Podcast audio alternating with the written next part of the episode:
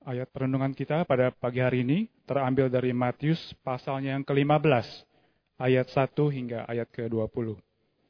Demikian firman Tuhan.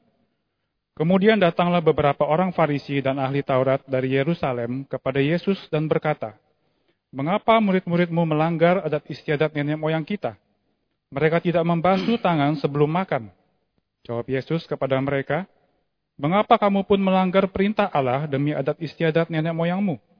Sebab Allah berfirman, Hormatilah ayahmu dan ibumu, dan lagi, siapa yang mengutuki ayahnya atau ibunya harus dihukum mati. Namun kamu berkata, Siapa saja berkata kepada bapaknya atau kepada ibunya, segala bantuan yang seharusnya engkau terima dariku adalah persembahan kepada Allah. Orang itu tidak wajib lagi menghormati bapaknya atau ibunya. Dengan demikian, firman Allah kamu nyatakan tidak berlaku demi adat istiadatmu sendiri. Hai orang-orang munafik, benarlah nubuat Yesaya tentang kamu. Bangsa ini memuliakan aku dengan bibirnya, padahal hatinya jauh daripada aku. Percuma mereka beribadah kepadaku, sementara ajaran yang mereka ajarkan ialah perintah manusia. Lalu Yesus memanggil orang banyak dan berkata kepada mereka, Dengar dan pahamilah, bukan yang masuk ke dalam mulut yang menajiskan orang, melainkan yang keluar dari mulut, itulah yang menajiskan orang. Kemudian datanglah murid-murid dan bertanya kepadanya, Tahukah engkau bahwa perkataanmu itu telah menjadi batu sandungan bagi orang-orang Farisi? Jawab Yesus, setiap tanaman yang tidak ditanam oleh Bapakku yang di surga akan dicabut dengan akar-akarnya. Biarkanlah mereka itu. Mereka orang buta yang menuntun orang buta. Jika orang buta menuntun orang buta, keduanya akan jatuh ke dalam lubang. Lalu Petrus berkata kepadanya, Jelaskanlah perumpamaan itu kepada kami. Jawab Yesus, Apakah kamu juga belum dapat memahaminya? Tidak tahukah kamu bahwa segala sesuatu yang masuk ke dalam mulut turun ke dalam perut lalu dibuang di jamban. Namun semua yang keluar dari mulut berasal dari hati dan itulah yang menajiskan orang. Sebab dari hati timbul pikiran jahat, pembunuhan, perzinahan, percabulan, pencurian, sumpah palsu dan hujat. Hal-hal itulah yang menajiskan orang. Namun makan dengan tangan yang tidak dibasuh tidak menajiskan orang. Sedemikian jauh pembacaan firman Tuhan. Diberkatilah setiap kita yang selalu membaca firman Tuhan, merenungkannya dan terus berjuang melakukannya di dalam kehidupan, saudara. Saudara dikasih oleh Tuhan, tema kita hari ini adalah tentang reformasi hati, saudara. Namun sebelumnya, izinkan saya memperkenalkan diri terlebih dahulu. Nama saya David Chong, saudara. Saya hamba Tuhan yang baru melayani di tempat ini, di GKI Greenfield. Kami sangat bersyukur sekali kepada Tuhan, saudara. Setelah sebelum kami melayani di tempat ini, kami pernah melayani di desa kecil namanya Tulung Agung. Ada yang berasal dari Tulung Agung di sini? Atau yang pernah ke Tulung Agung, saudara? Ya, nanti habis ini kita bisa ngobrol ya, saudara ya. Nah, saudara, jujur saudara, sudah satu bulan kami di tempat ini. Sudah satu bulan kami di tempat ini, saudara. Banyak hal yang harus kami adjust. Banyak hal yang harus kami ubah, saudara. Contoh misalnya, saudara. Waktu di Tulung Agung, saudara, anak-anak kalau sekolah itu masuknya jam 8.30. Sementara di sini jam 6.45 saudara, anak-anak sudah harus di depan pintu sekolah. Saudara bagi kami sulit, bagi anak-anak juga sulit. Kenapa saudara? Karena bagi mereka, bang, mereka harus tidur lebih cepat dan bangun lebih awal. Saudara tiap malam mau tidur selalu berantem. Ceng, berharap bawa pulang tiga ikat kangkung. Naik ke atas satu ikat pun tidak dapat saudara. Saudara, saya marah, saya turun ke bawah ke pasar saudara. Lalu saya menghardik semua orang yang jualan di sana. Enggak, saudara, saya bercanda. Saya bercanda, saudara. Karena mereka berjualan di pelataran bait Allah, bukan? Saya bercanda, saudara. Enggak, enggak begitu, saudara. Saudara, perubahan ini menuntut kami juga harus siap untuk berubah. Kami pun dituntut, saudara, untuk siap-siap berubah. Kalau kami enggak berubah, maka rugi bagi kami. Penting bagi kami untuk mengubah situasi. Penting bagi kami untuk mengubah kebiasaan. Sangat penting. Betul enggak, saudara?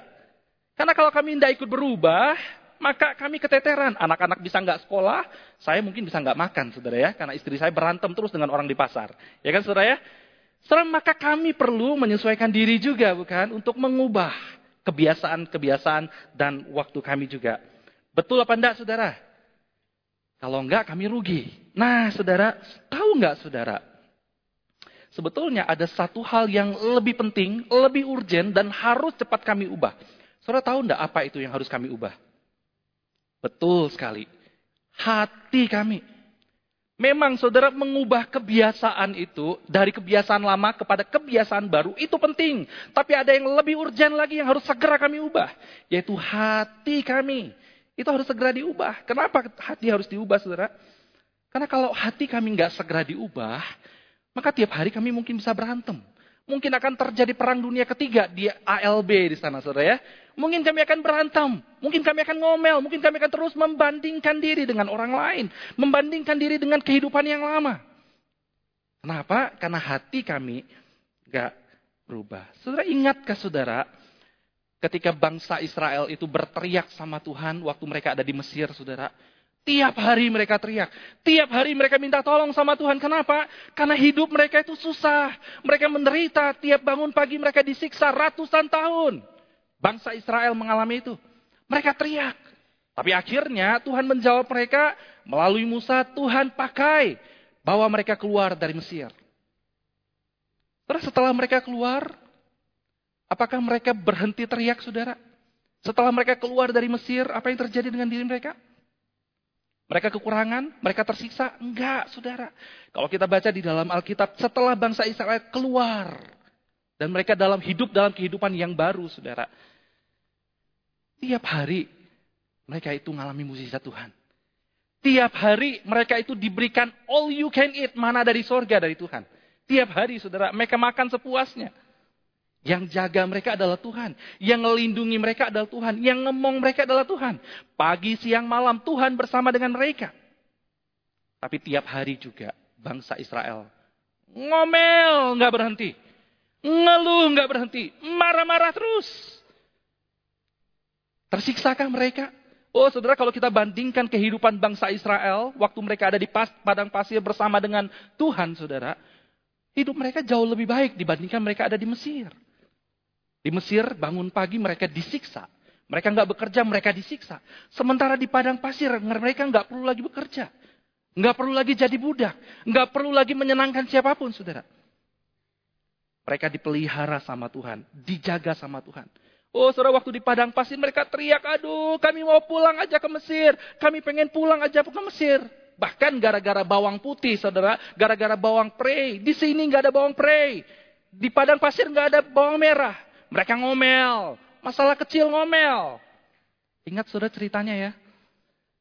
Padahal hidup mereka sudah lebih baik dan Tuhan sudah menjawab, memberikan mukjizat menyertai mereka. Saudara dikasih oleh Tuhan, apa sih sebetulnya masalahnya di sini, saudara? Kenapa bangsa Israel terus ngomel sekalipun mereka berjalan bersama dengan Tuhan? Dan mengalami mukjizat Tuhan setiap hari. Ya, benar sekali saudara, masalahnya ada di hati mereka. Hati mereka, saudara, hati itu belum berubah. Hati mereka masih di Mesir, sekalipun mereka sekarang sudah bersama dengan Tuhan. Hati mereka masih mencintai kehidupan yang lama, sekalipun mereka sudah melihat sendiri Tuhan bekerja, berkarya, menyatakan kuasanya, memelihara mereka pagi, siang, dan malam. Hati mereka nggak berubah.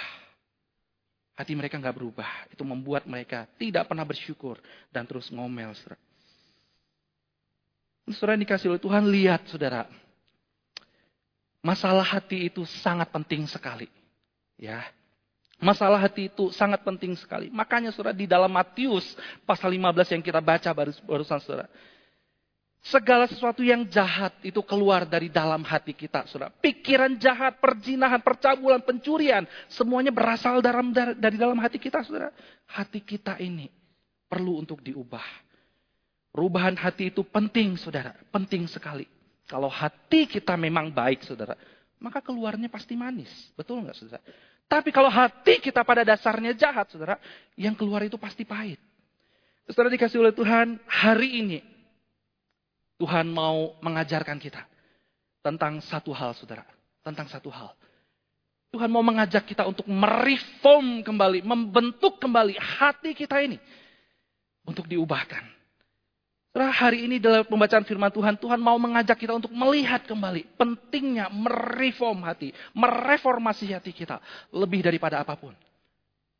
Banyak orang senang selesai dari satu masalah ke masalah yang lain, tapi melupakan masalah hati Saudara, Kita mau lihat sama-sama. Apakah itu menjadi kerinduan setiap kita yang datang ke gereja hari ini? Rindukah kita bahwa hati kita itu sungguh-sungguh diubahkan oleh Tuhan?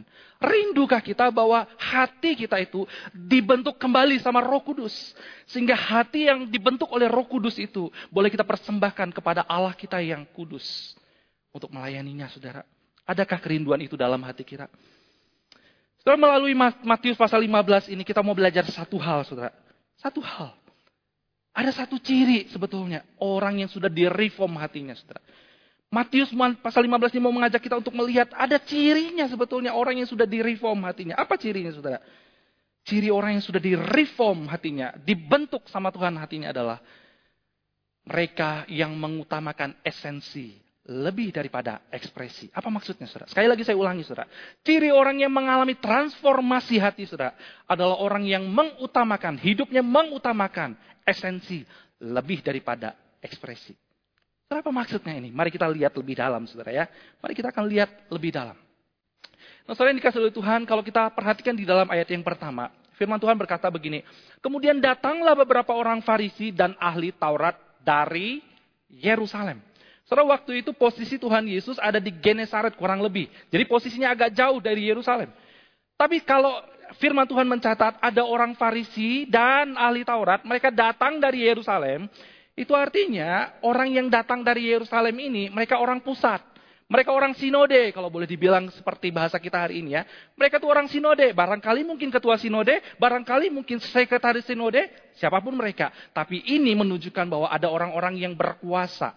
Orang-orang yang pengambil keputusan datang untuk mencari kesalahan Yesus Kristus, saudara. Saudara, kalau kita lanjutkan di ayat yang kedua, ngapain mereka datang ketemu Tuhan Yesus, saudara? Mereka menemukan sebuah kesalahan, pelanggaran aturan. Dikatakan ayat kedua begini, saudara. Orang-orang Farisi ini datang sama Tuhan Yesus dan ngelapor begini, saudara. Mengapa murid-muridmu melanggar adat istiadat nenek moyang kita? Mereka tidak membasuh tangan sebelum makan. Saudara perhatikan ini, saya mau berhenti di kalimat mereka tidak membasuh tangan sebelum makan, saudara. Saudara, sebetulnya budaya cuci tangan di dalam kehidupan orang Yahudi itu sangat baik sekali. Sangat baik sekali, saudara. Jadi orang-orang Yahudi itu berusaha mengekspresikan iman mereka kepada Tuhan dengan cara apa, saudara? Banyak hal, dengan banyak aturan.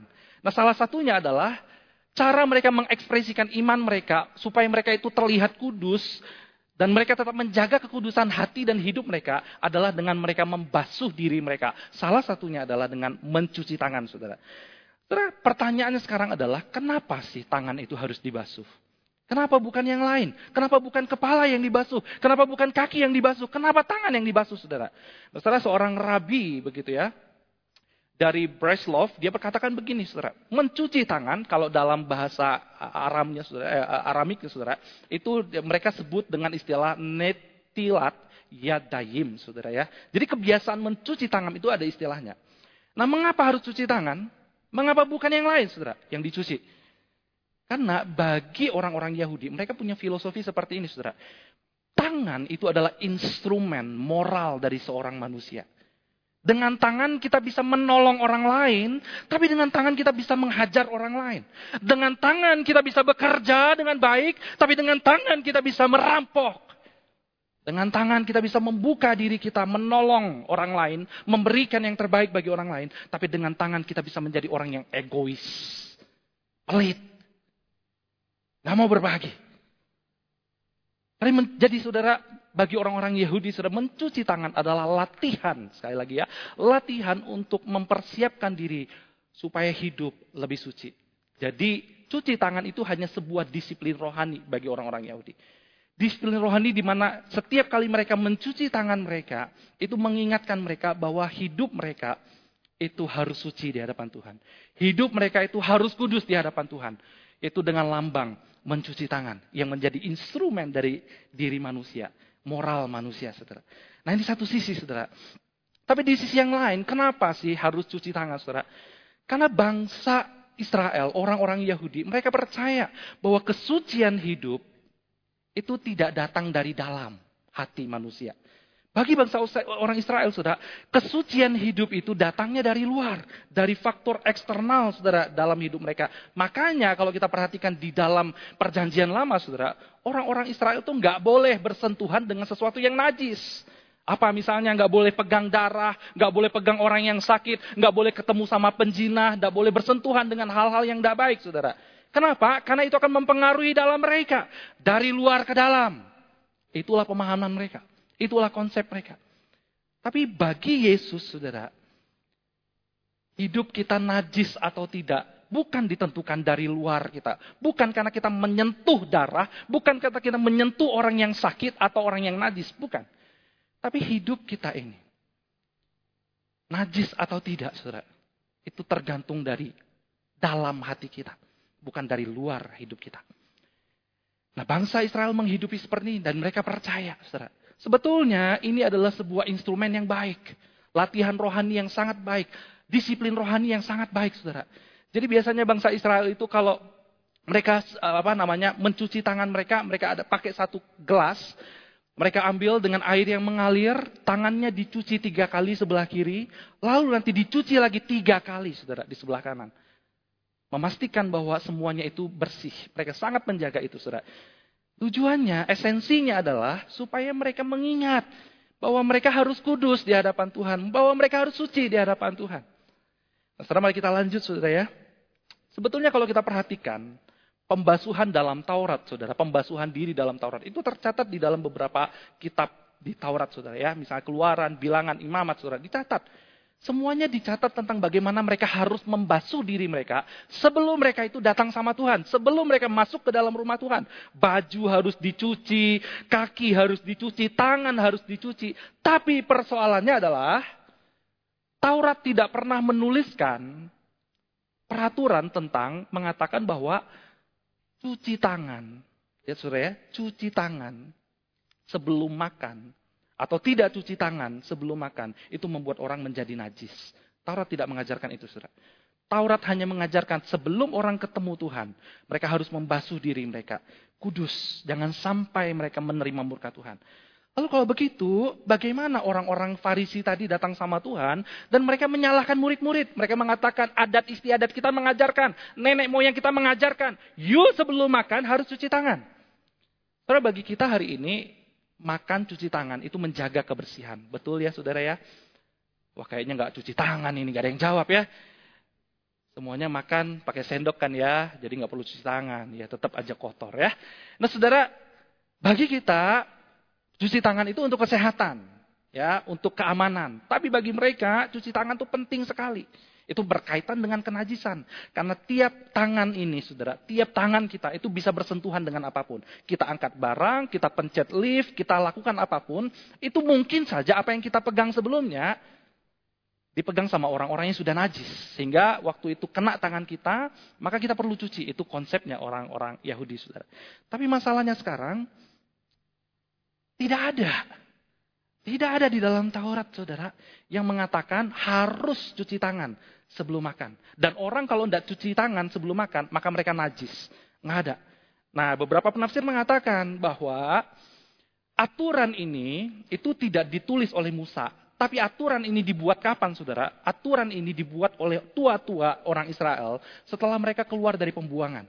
Setelah mereka keluar dari Babel, saudara. Mereka berharap jangan sampai mereka dihukum lagi. Jangan sampai mereka dibuang lagi. Maka mereka tambah aturan lebih banyak. Perketat aturannya supaya mereka tidak berbuat dosa. Saudara saya mau tanya, aturan ini baik gak? Saudara saya mau tanya sekali lagi, aturan seperti ini baik gak? Baik. Bagaimana kalau kita terapkan dalam kehidupan gereja kita hari ini? Setuju? Baik. Tapi jangan lupa esensinya, saudara. Mereka menerapkan aturan ini. Mereka mengekspresikan iman mereka dengan mencuci tangan, mencuci tangan, tapi mereka melupakan esensinya, menjaga hati mereka. Itulah yang diserang oleh Tuhan Yesus. Itulah yang diresponi oleh Tuhan Yesus, Saudara. Saudara, mereka salah karena mereka mentuhankan ekspresi lebih daripada esensi. Sehingga membuat mereka sudah akhirnya menjadikan cuci tangan itu lebih dari segalanya. Kalau orang nggak cuci tangan, itu artinya orang nggak rohani. Kalau orang nggak cuci tangan, itu artinya orang najis. Saudara, bukankah ini adalah budaya yang baik? Tapi diterapkan dengan cara yang keliru. Hari ini, saudara, bukankah kita juga hidup dalam budaya kekristenan dan banyak hal yang baik, banyak budaya yang baik yang kita lakukan di dalam budaya kekristenan. Contoh misalnya, saudara, siapa di sini yang doa makan, eh sebelum makan doa dulu? Waduh, nggak ada yang doa ini ya, kayaknya ya, nggak ada yang angkat tangan. Kita kalau makan Doa dulu bukan? Itu baik gak? Sekarang saya tanya, kenapa kita doa sebelum makan? Kenapa waktu makan snack minum kopi nggak doa? Hah? Sebenarnya itu budaya yang baik sebetulnya bukan? Tapi jangan sampai sekali lagi karena budaya yang baik itu membuat kita menghakimi kerohanian orang lain. Jangan sampai budaya yang baik itu membuat kita mengatakan bahwa orang itu tidak punya kuasa doanya. Karena esensi daripada doa makan itu adalah kita mengucap syukur karena Tuhan sudah memelihara hidup kita. Tuhan memberikan makan minum bagi kita hari ini. Tuhan menjaga kita. Tuhan hadir dalam hidup kita lewat makanan dan minuman. Nah, sebab itu kita berdoa mengucap syukur. Nah ada orang yang berdoa supaya makanan itu bisa menjadi kudus. Jadi yang membuat makanan kudus atau enggak itu bukan doa kita saudara. Makan jeroan satu kilo dalam nama Tuhan Yesus jadi vitamin ini jeroan. Bisa enggak? Konyol kan kayak begitu. Dalam nama Tuhan Yesus, samcan makan dua kilo. Jadi protein yang baik dalam tubuh saya. Bisa nggak? Nggak bisa, saudara. Yang membuat makanan itu sehat atau tidak, itu pilihan kita. Bukan doa makan kita. Ingat itu baik-baik, saudara. Kita berdoa, itu budaya yang baik, saudara. Kita mengucap syukur karena Tuhan sudah pelihara kita. Itu esensinya. Tapi jangan sampai kita mentuhankan esensi uh, apa ekspresi doa makan itu lebih daripada esensinya. Jangan sampai kemudian kita akhirnya menghakimi orang lain seolah-olah orang yang makan tidak berdoa itu adalah orang yang tidak rohani, najis makanannya. Nanti sakit perut dia. Kan nggak bisa begitu ya saudara ya. Saudara dikasih Tuhan, ada juga orang yang mengajarkan, bahkan ada orang-orang tua yang mengajarkan pada anaknya, kalau makan gak doa ya, ha, nanti kamu gak diberkati loh hidupmu, nanti kamu kelaparan di jalan sana. Tapi bukan itu yang harus diajarkan. Kita mesti mengingatkan anak-anak kita, kamu bersyukur ya sama Tuhan. Doa, naikkan syukur sama Tuhan. Karena dia baik. Dia bisa beri kita makan nasi, sekalipun cuma nasi tanpa lauk. Gak apa-apa, mengucap syukur sama Tuhan. Karena dia hadir dalam kehidupan kita. Baik, bukan budaya seperti itu. Kita mesti terus lakukan, saudara. Yang esensinya adalah kita naikkan syukur di hadapan Tuhan. Ekspresinya adalah kita berdoa sebelum makan. Yang kedua, contoh yang kedua, saudara. Saudara kalau saya ajak berdoa, kira-kira sikap saudara gimana, saudara? Pasti lipat tangan dan tutup mata. Saudara waktu tutup, kenapa kita kalau berdoa harus tutup mata, saudara? Hah? Kayaknya tidak pernah tutup mata ini kalau doa ini ya. Jemaat GKI Greenfield ini bagaimana ini? Gak apa-apa, gak apa-apa saudara. Saudara, budaya doa tutup mata itu sebetulnya baik. Menolong kita untuk fokus, betul nggak saudara? Fokus, kita fokus mengalami Tuhan, fokus hanya melihat kepada Tuhan. Makanya kita tutup mata saudara. Tapi jangan sampai budaya yang baik ini kita pertuhankan. Ekspresi seperti ini kita buat lebih daripada esensinya. Tujuannya adalah fokus. Saudara jangan salah loh. Ada orang yang nggak bisa tutup mata. Ada orang yang waktu doa kalau tutup mata pikirannya kacau ke mana-mana. Mikir nggak jelas. Masalah kehidupan, masalah rumah tangga, masalah apa pun ada di dalam otaknya. Sehingga dia harus buka mata, memandang kepada salib. Dan dia harus berdoa, di situlah dia bisa fokus. Terus sekali lagi jangan sampai kebiasaan baik, adat yang baik, aturan yang baik ini kita jadikan Tuhan. Ekspresi yang baik seperti ini membuat kita akhirnya menghakimi kerohanian orang lain. Seolah-olah orang kalau doa matanya nggak ditutup, ah itu orang nggak rohani. Ah itu orang doanya nggak berkuasa. Nggak begitu saudara. Nggak begitu. Sekarang mari kita renungkan baik-baik. Kalau kita berlaku seperti itu, saudara. Apa bedanya kita dengan orang Farisi dan ahli Taurat ini? Yang lebih mengutamakan ekspresi lebih daripada esensi di dalamnya. Tuhan gak mau itu, saudara. Tuhan gak mau itu. Yang kedua, budaya yang baik dari ekspresi yang baik dari orang-orang Yahudi apa? Ekspresi yang baik, kerasa cinta mereka kepada Tuhan. Yaitu mereka memberikan persembahan, saudara. Mereka memberikan korban. Kalau di dalam Matius pasal yang ketujuh, saudara, Matius menggunakan kata korban, begitu ya, kata korban. Jadi ekspresi kedua dari orang-orang Yahudi sebagai bukti cinta mereka kepada Allah, Yahweh, saudara, kepada Tuhan, saudara.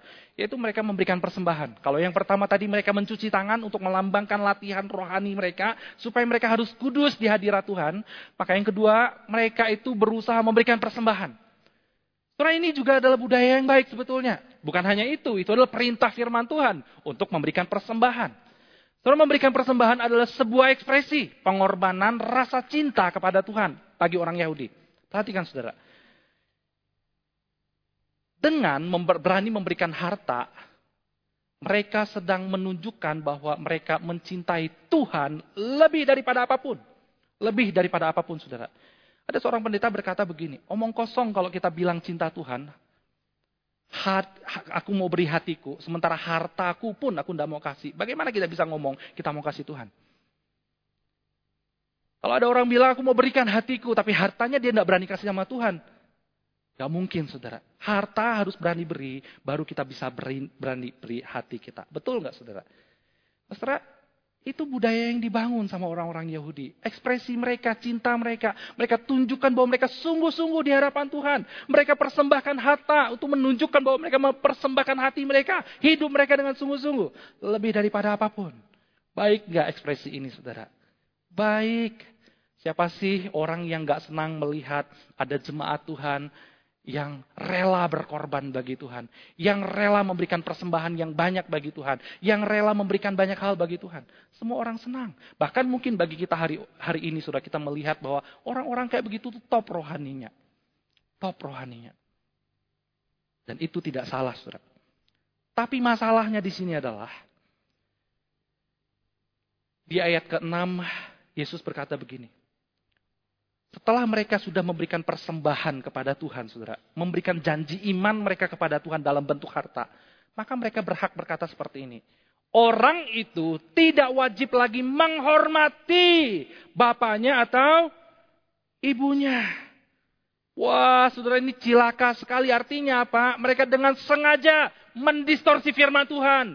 Mereka dengan sengaja mengabaikan bobot daripada firman Tuhan. Mereka merasa dengan memberikan persembahan, maka nggak apa-apa. Firman Tuhan untuk menghormati orang tua itu diabaikan. Tidak wajib lagi untuk dilakukan. Oh cilaka saudara. Cilaka. Saudara, demi ekspresi mereka berani mengubah dan mendistorsi firman Tuhan. Itulah yang salah. Demi ekspresi mereka, rasa cinta mereka sama Tuhan, pelayanan mereka sama Tuhan. Tapi mereka rela abaikan firman Tuhan yang mendorong mereka, yang meminta mereka untuk menghormati orang tua mereka. Itulah yang Tuhan kecam di sini. Itulah yang membuat Tuhan marah di sini. Bukan masalah persembahannya. Tuhan sama sekali tidak mengkritik cuci tangan mereka. Tuhan sama sekali tidak mengkritik persembahan mereka. Tapi Tuhan mengkritik hati mereka. Hati mereka yang berani mendistorsi firman Tuhan. Hati mereka yang berani melawan Tuhan. Hati mereka, saudara, yang keras. Hati mereka yang lebih mencintai ekspresi lebih daripada esensi. Hati mereka, saudara. Itu yang Tuhan kritik. Saudara yang dikasih oleh Tuhan setiap bulan Oktober, setiap kita memperingati hari reformasi. Saudara, Bukankah hal serupa juga yang diperjuangkan oleh para reformator abad ke-16? Saudara? Mereka berjuang.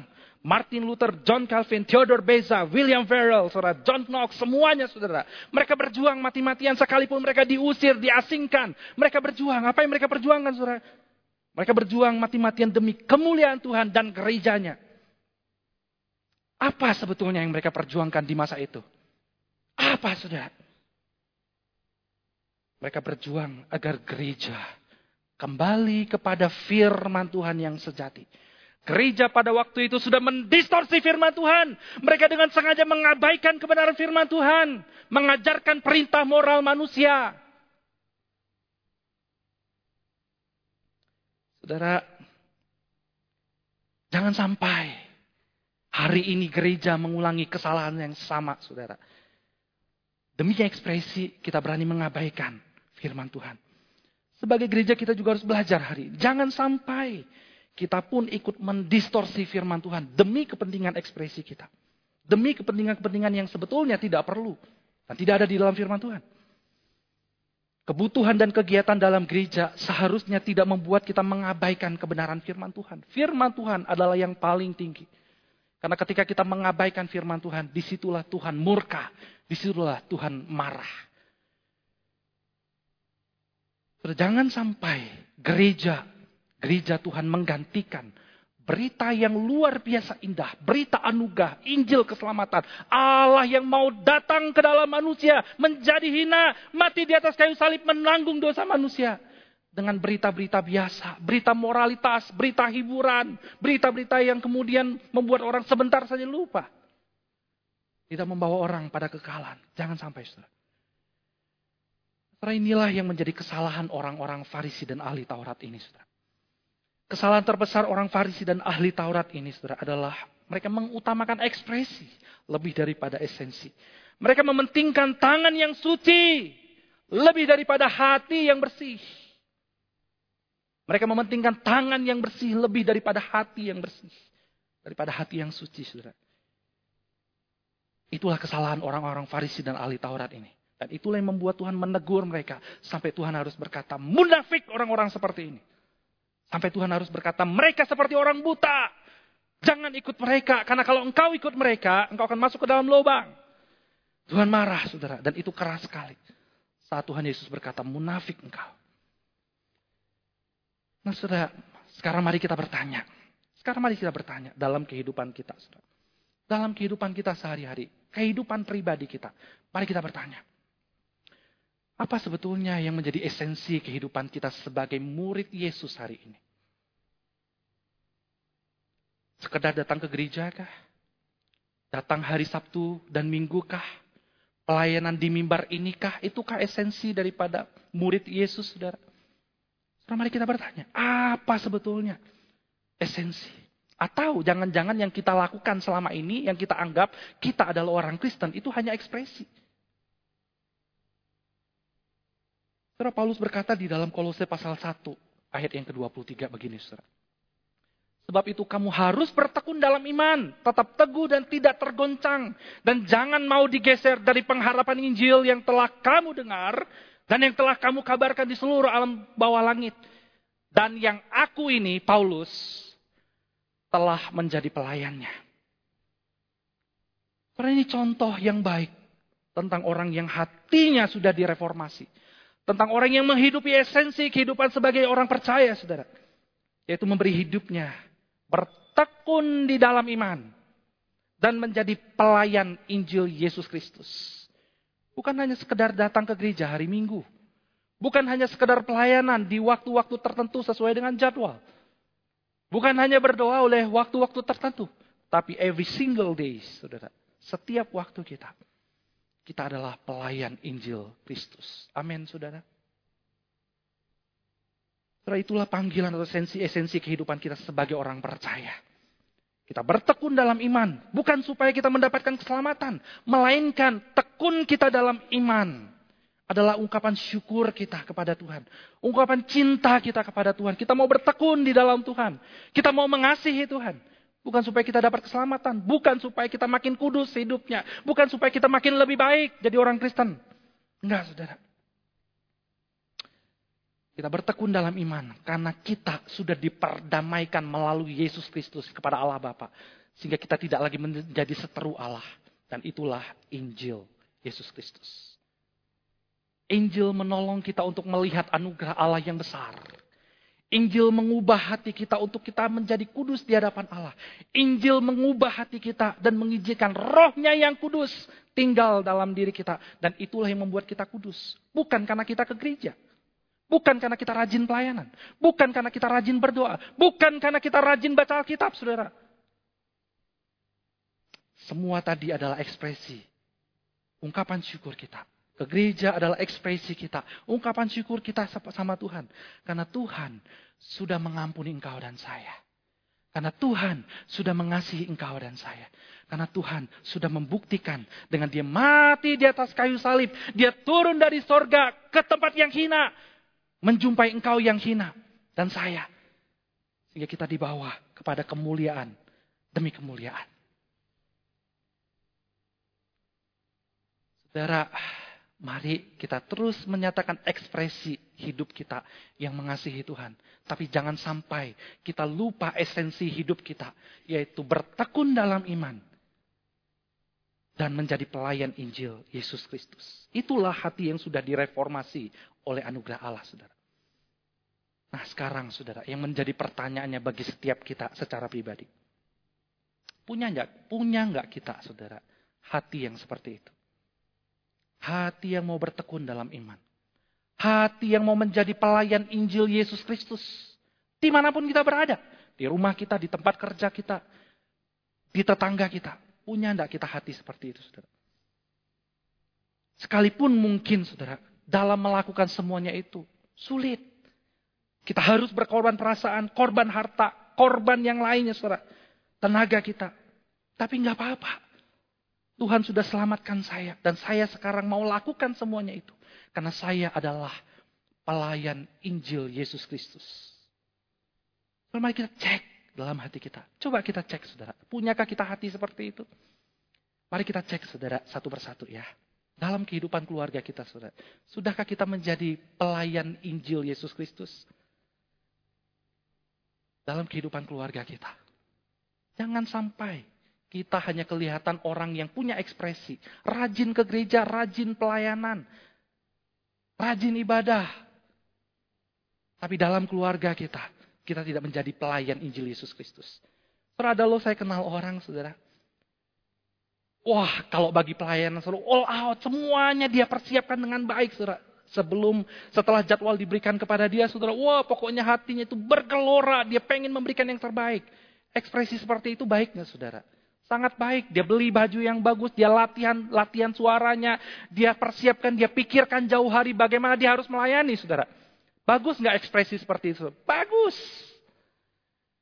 Tapi, saudara, waktu kembali ke rumah dalam keluarganya, dia menyimpan rasa dendam, rasa benci. Sama siapa? Mamanya. Sama siapa? Kokonya. Kenapa? Karena masalah warisan. Dia umbar-umbar kesalahan mamanya. Dia ceritakan semua hal buruk tentang mamanya. Dia ceritakan ke semua orang lain tentang keburukan kokonya.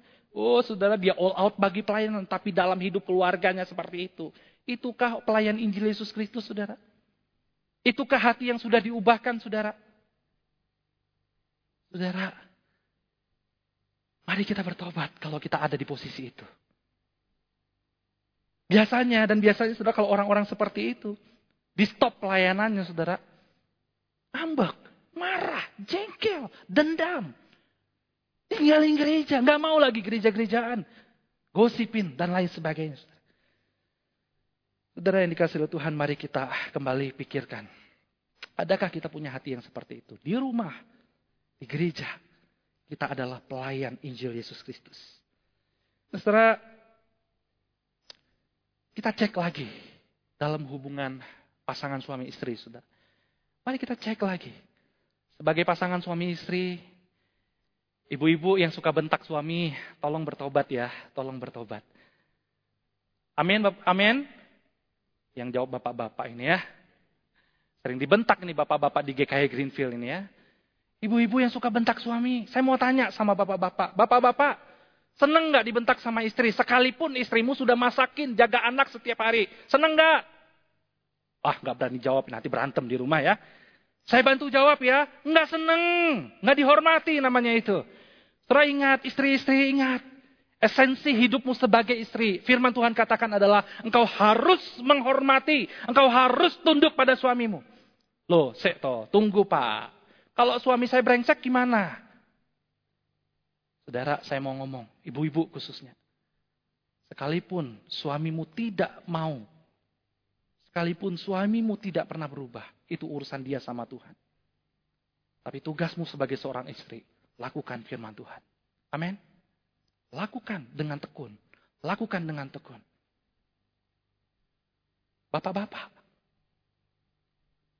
Jangan senang dulu bapak-bapak ya dibela tadi ya. Sekarang juga buat bapak-bapak. Jangan rasa setiap bulan saya sudah kasih jatah uang bulanan sama istri. Sudah kasih uang jajan pergi ke mana-mana, happy. Tapi bisa seenaknya. Ya, bisa seenaknya sama istri. Pulang ke rumah yang dipegang handphone, istri nggak pernah dipegang. Ya kan? Pulang ke rumah marah-marah, ngomel-ngomel. Pulang malam-malam, minum-minum, dan lain sebagainya. Jangan pikir, saudara, kalau engkau adalah pelayan Injil Yesus Kristus, maka lakukanlah firman Tuhan. Apa sih esensimu sebagai seorang suami, saudara?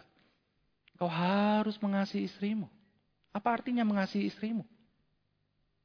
Berikan perhatian. Istri memang suka dengan uang, betul enggak? Gak berani jawab ya.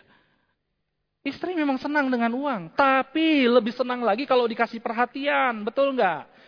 Bapak-bapak, kalau engkau adalah pelayan Injil Yesus Kristus, kalau engkau adalah orang yang sudah direform, direform hatinya, saudara, direformasi. Lakukan firman Tuhan. Kasihi istrimu seperti Kristus mengasihi engkau. Rela berkorban. Perhatikan istrimu. Ada amin? Yang amin ibu-ibu. Dalam pelayanan, saudara. Mari kita cek, apakah kita sungguh-sungguh adalah pelayan Injil Yesus Kristus. Waktu kita melayani kita senang.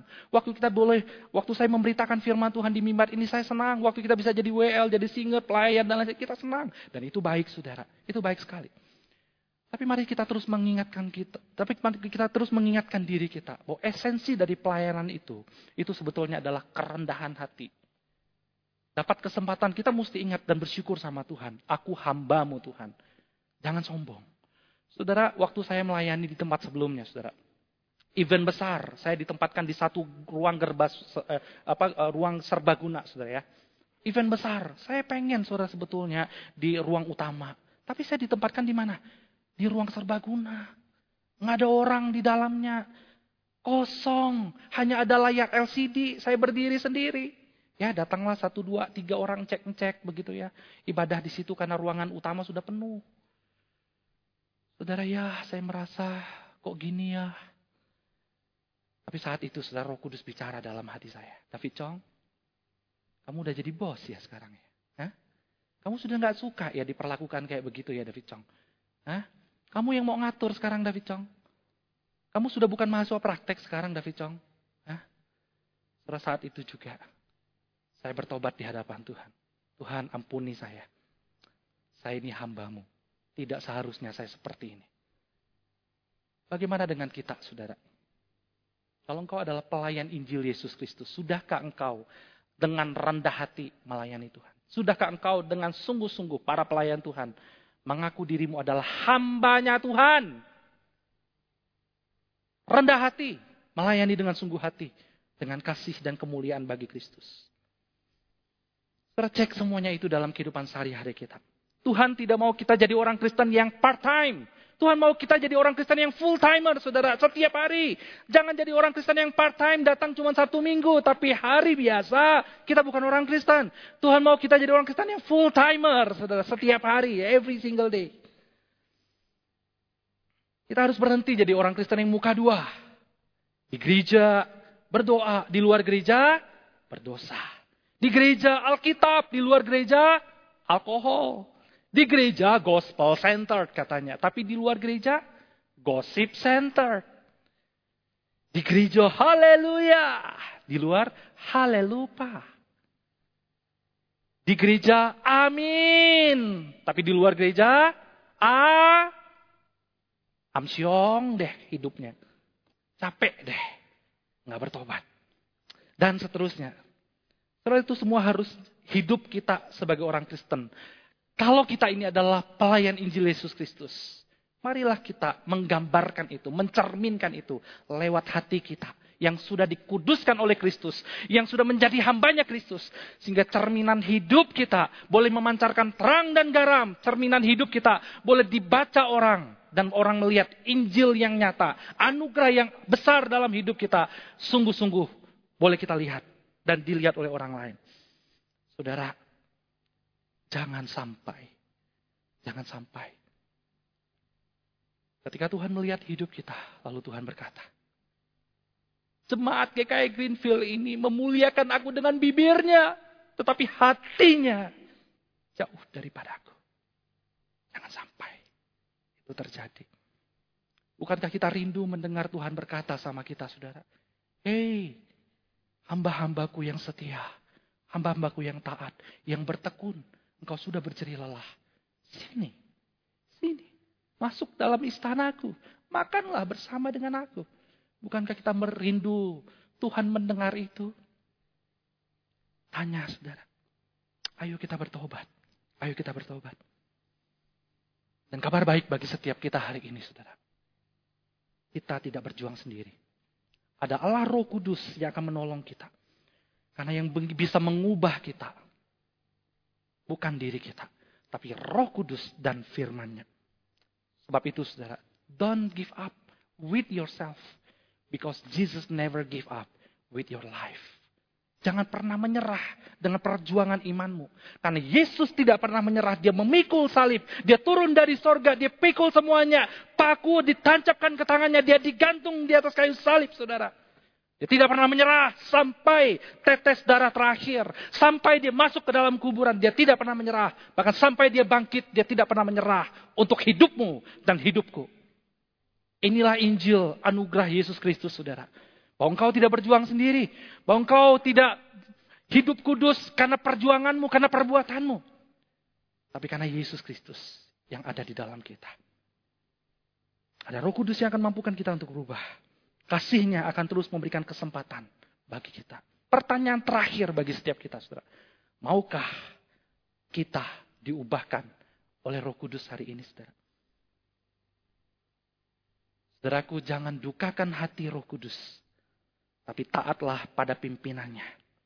Saat roh kudus mereform kita. Menegur kita. Membentuk kita. Taat. Katakan pada Tuhan. Tuhan, aku mau ubah hatiku. Amin. Mari kita berdoa. Bapak kami yang ada di dalam sorga, terima kasih untuk anugerahmu. Terima kasih untuk Injilmu, anugerahmu yang besar. Sehingga hari ini kami boleh ada Tuhan. Bukan karena kekuatan kami.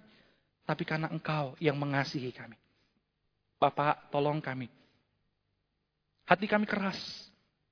Hati kami sering kali menjauh daripada Engkau. Dan sering kali hanya mulut dan bibir kami yang dekat kelihatannya. Tapi hati kami jauh, hidup kami tidak mencerminkan Injilmu. Tuhan hari ini kami mau bertobat. Tuhan hari ini kami mau diubahkan kembali. Tuhan hari ini kami rindu. Kami rindu Tuhan. Boleh hidup sebagai pelayan Injil Yesus Kristus. Karena itulah panggilanmu bagi setiap kami. Tolong jemaatmu, mampukan kami melakukan firmanmu. Dalam nama Tuhan Yesus, kami mengucap syukur dan kami berdoa. Amin.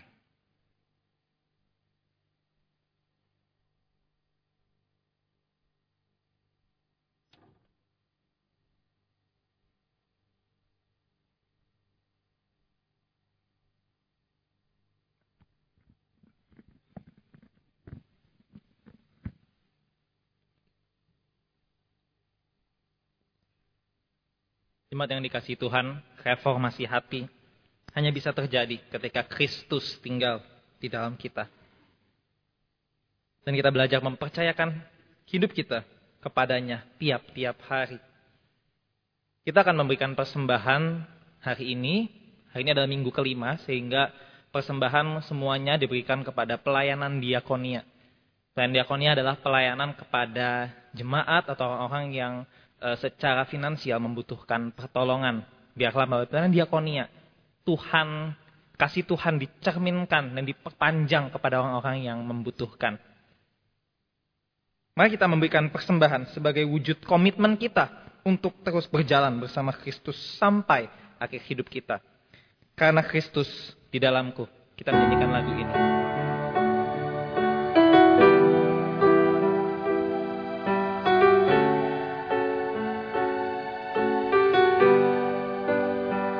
Besar anugerah Yesus penebusku. Tiada lagi yang surga dapati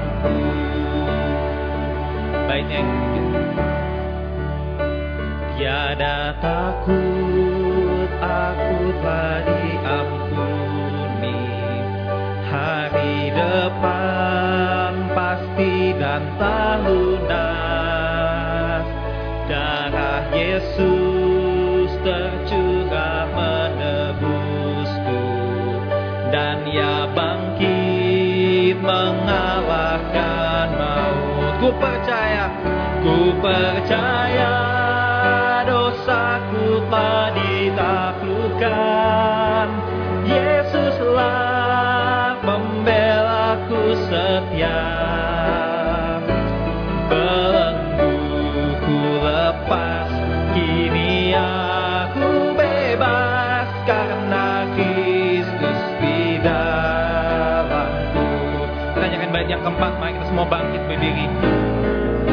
Tama.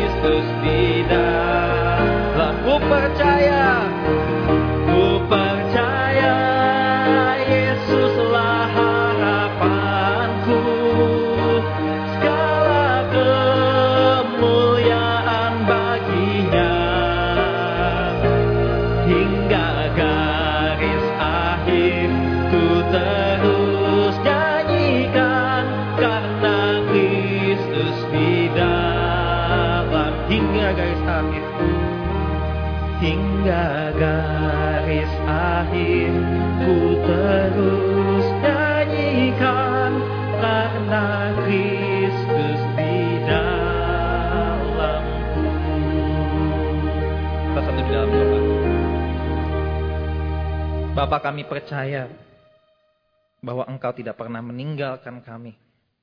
Dan di dalam engkau lah ya Tuhan, masa depan kami aman. Hari ini kami datang merespons firman yang sudah diberitakan kepada kami dengan memberikan persembahan sebagai ucapan syukur kami, sebagai ekspresi cinta kami kepadamu ya Tuhan. Dan biarlah bukan hanya uang saja yang kami persembahkan. Biar ini hanyalah ekspresi tetapi esensinya, kami persembahkan seluruh hidup kami Tuhan. Untuk menjadi pelayan Injil Yesus Kristus. Di seluruh konteks kehidupan kami. Tuhan tolong kami sebab kami sadar kami tidak mampu. Kiranya Allah roh kudusmu yang senantiasa menopang, menolong dan menguatkan kami untuk hidup seturut dengan kehendakmu dan biarlah seperti firman yang sudah diberitakan, hati kami direformasi, diubahkan oleh Injil Tuhan. Terima kasih Bapak, kami serahkan persembahan ini Tuhan yang memakainya untuk perluas kerajaan Tuhan, untuk memberkati orang-orang yang membutuhkan, untuk menyatakan wajah Kristus kepada mereka yang mungkin mengalami permasalahan dan pergumulan. Biarlah Tuhan persembahan ini jadi berkat bagi kemuliaan-Mu. Demi Kristus Yesus kami berdoa. Amin. Kita akan duduk jemaat yang dikasih Tuhan. Kita akan mendengarkan warta.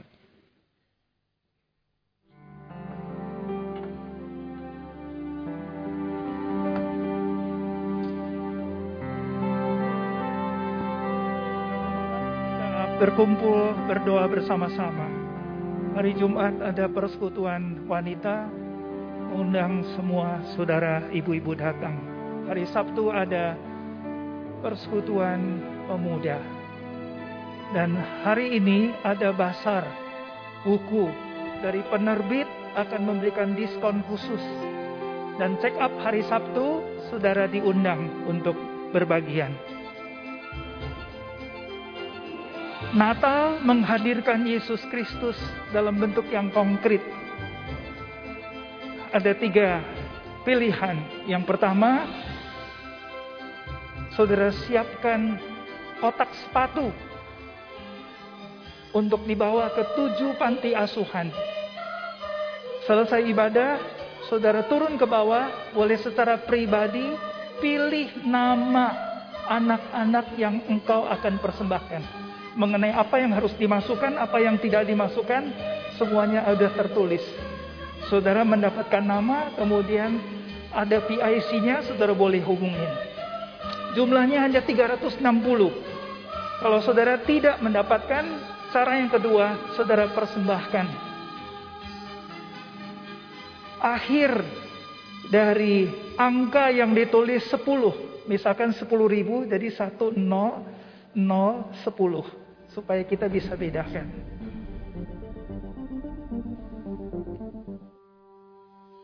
Yang ketiga, saudara boleh daftar untuk ikut ke tujuh panti asuhan yang akan kita akan pergi.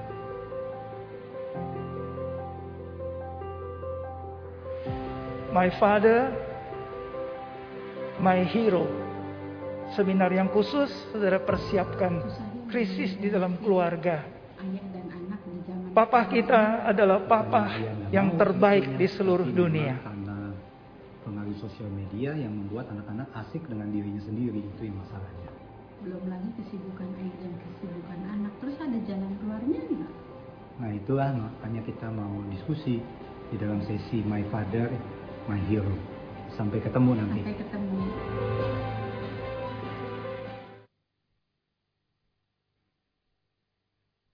Kita bersyukur Tuhan berkati ibadah kita pada pagi hari ini.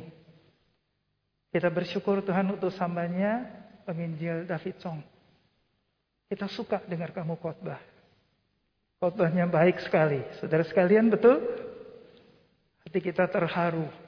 Biar itu langsung masuk ke dalam hati kita. Hari ini kita perlu reformasi hati. Bukan hanya aksesoris, bukan hanya ekspresi, tetapi hati, esensi yang lebih penting. Nanti kita doa sama-sama, minta Tuhan tolong. Musuh nomor satu bertobat dulu. Dan kita semua.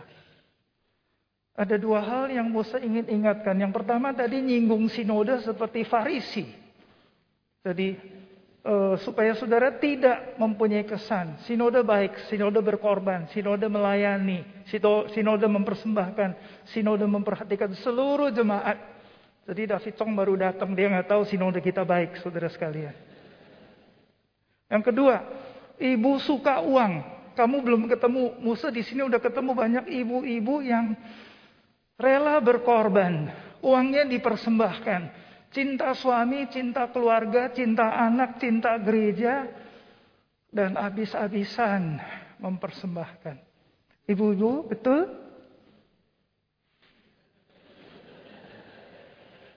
Kalau kamu diam-diam bilangnya musuh bohong nanti.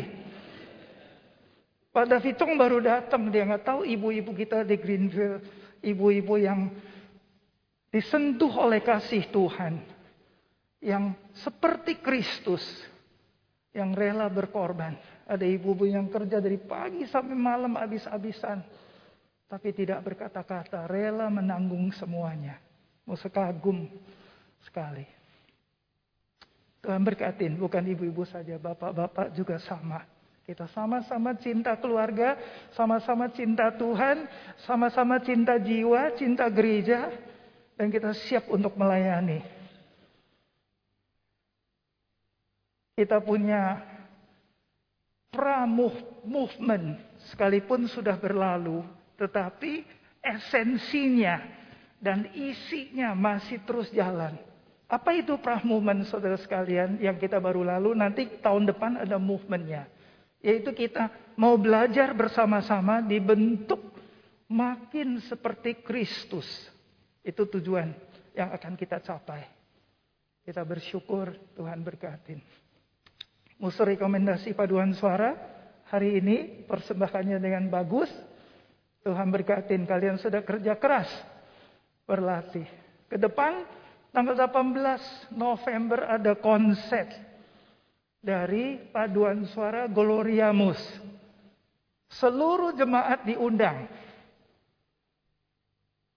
Kita mendapatkan tempat di Kemayoran. Auditorium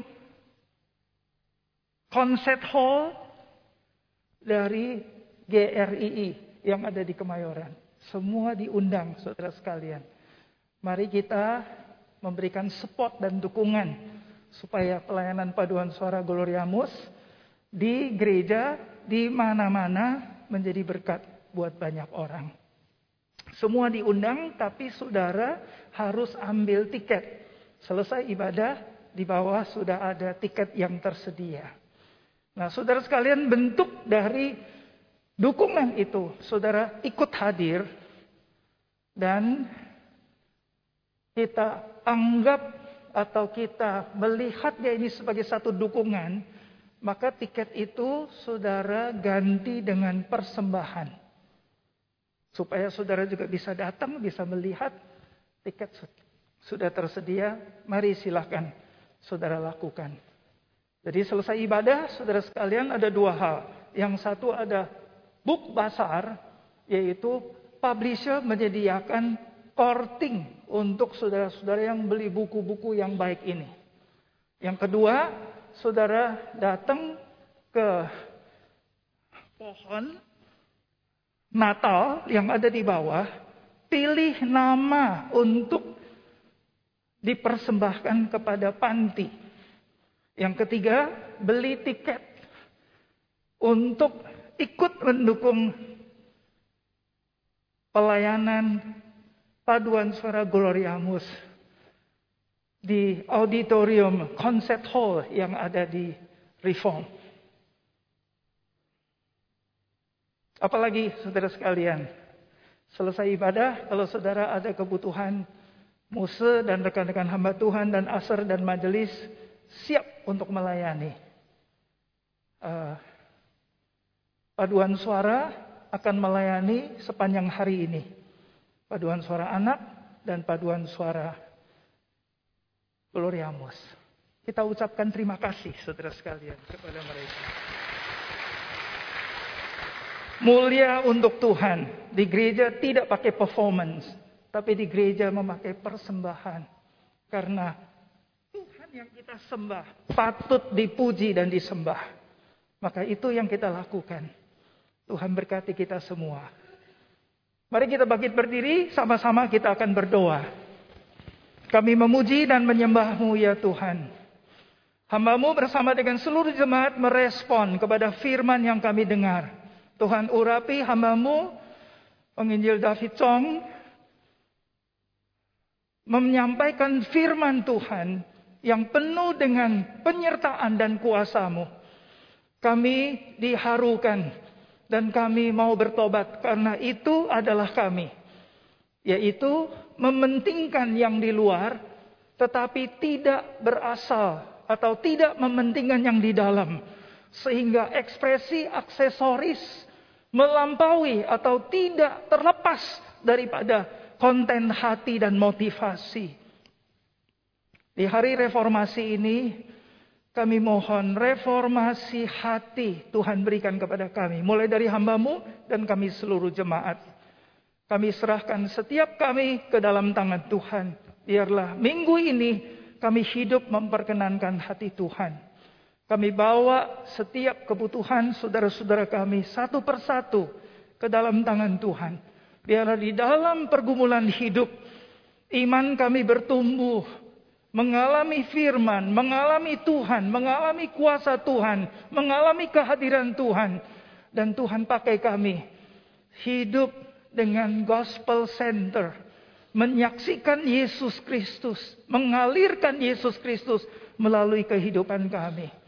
Kami bawa saudara kami yang sakit, yang lemah, yang bergumul ke dalam tangan Tuhan. Ada keluarga yang sedang berduka, kami mohon Tuhan hiburkan. Ya Tuhan biarlah engkau urapi dan pakai gerejamu ini.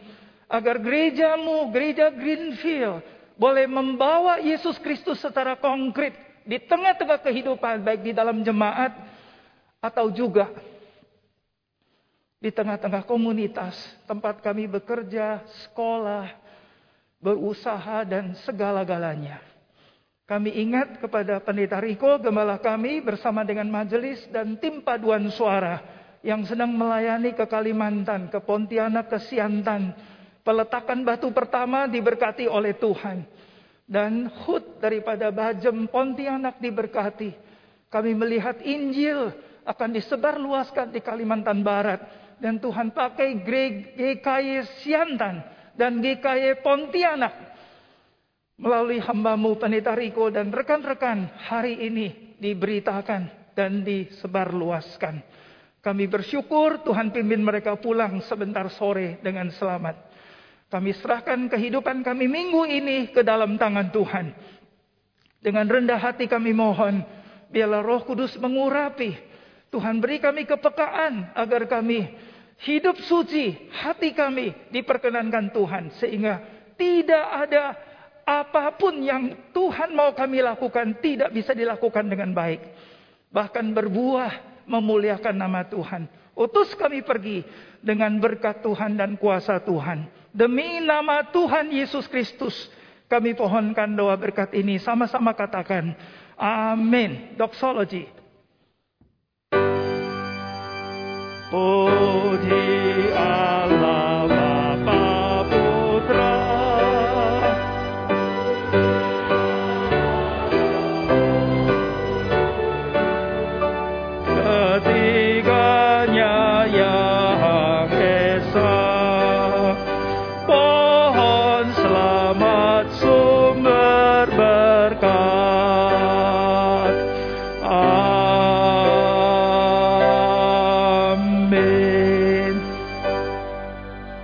Hatimu rindulah akan berkat dan kuasanya. Kami mohon di minggu reformasi ini, Bapak yang menjadi konkret dan nyata di tengah-tengah kami sekalian, yang Tuhan kasihi, yang Bapak kasihi, biarlah minggu ini kami mengalami Bapak lebih dalam melalui Yesus Kristus yang sudah menjadi manusia hidup di tengah-tengah komunitas dan sekarang sudah kembali ke gereja.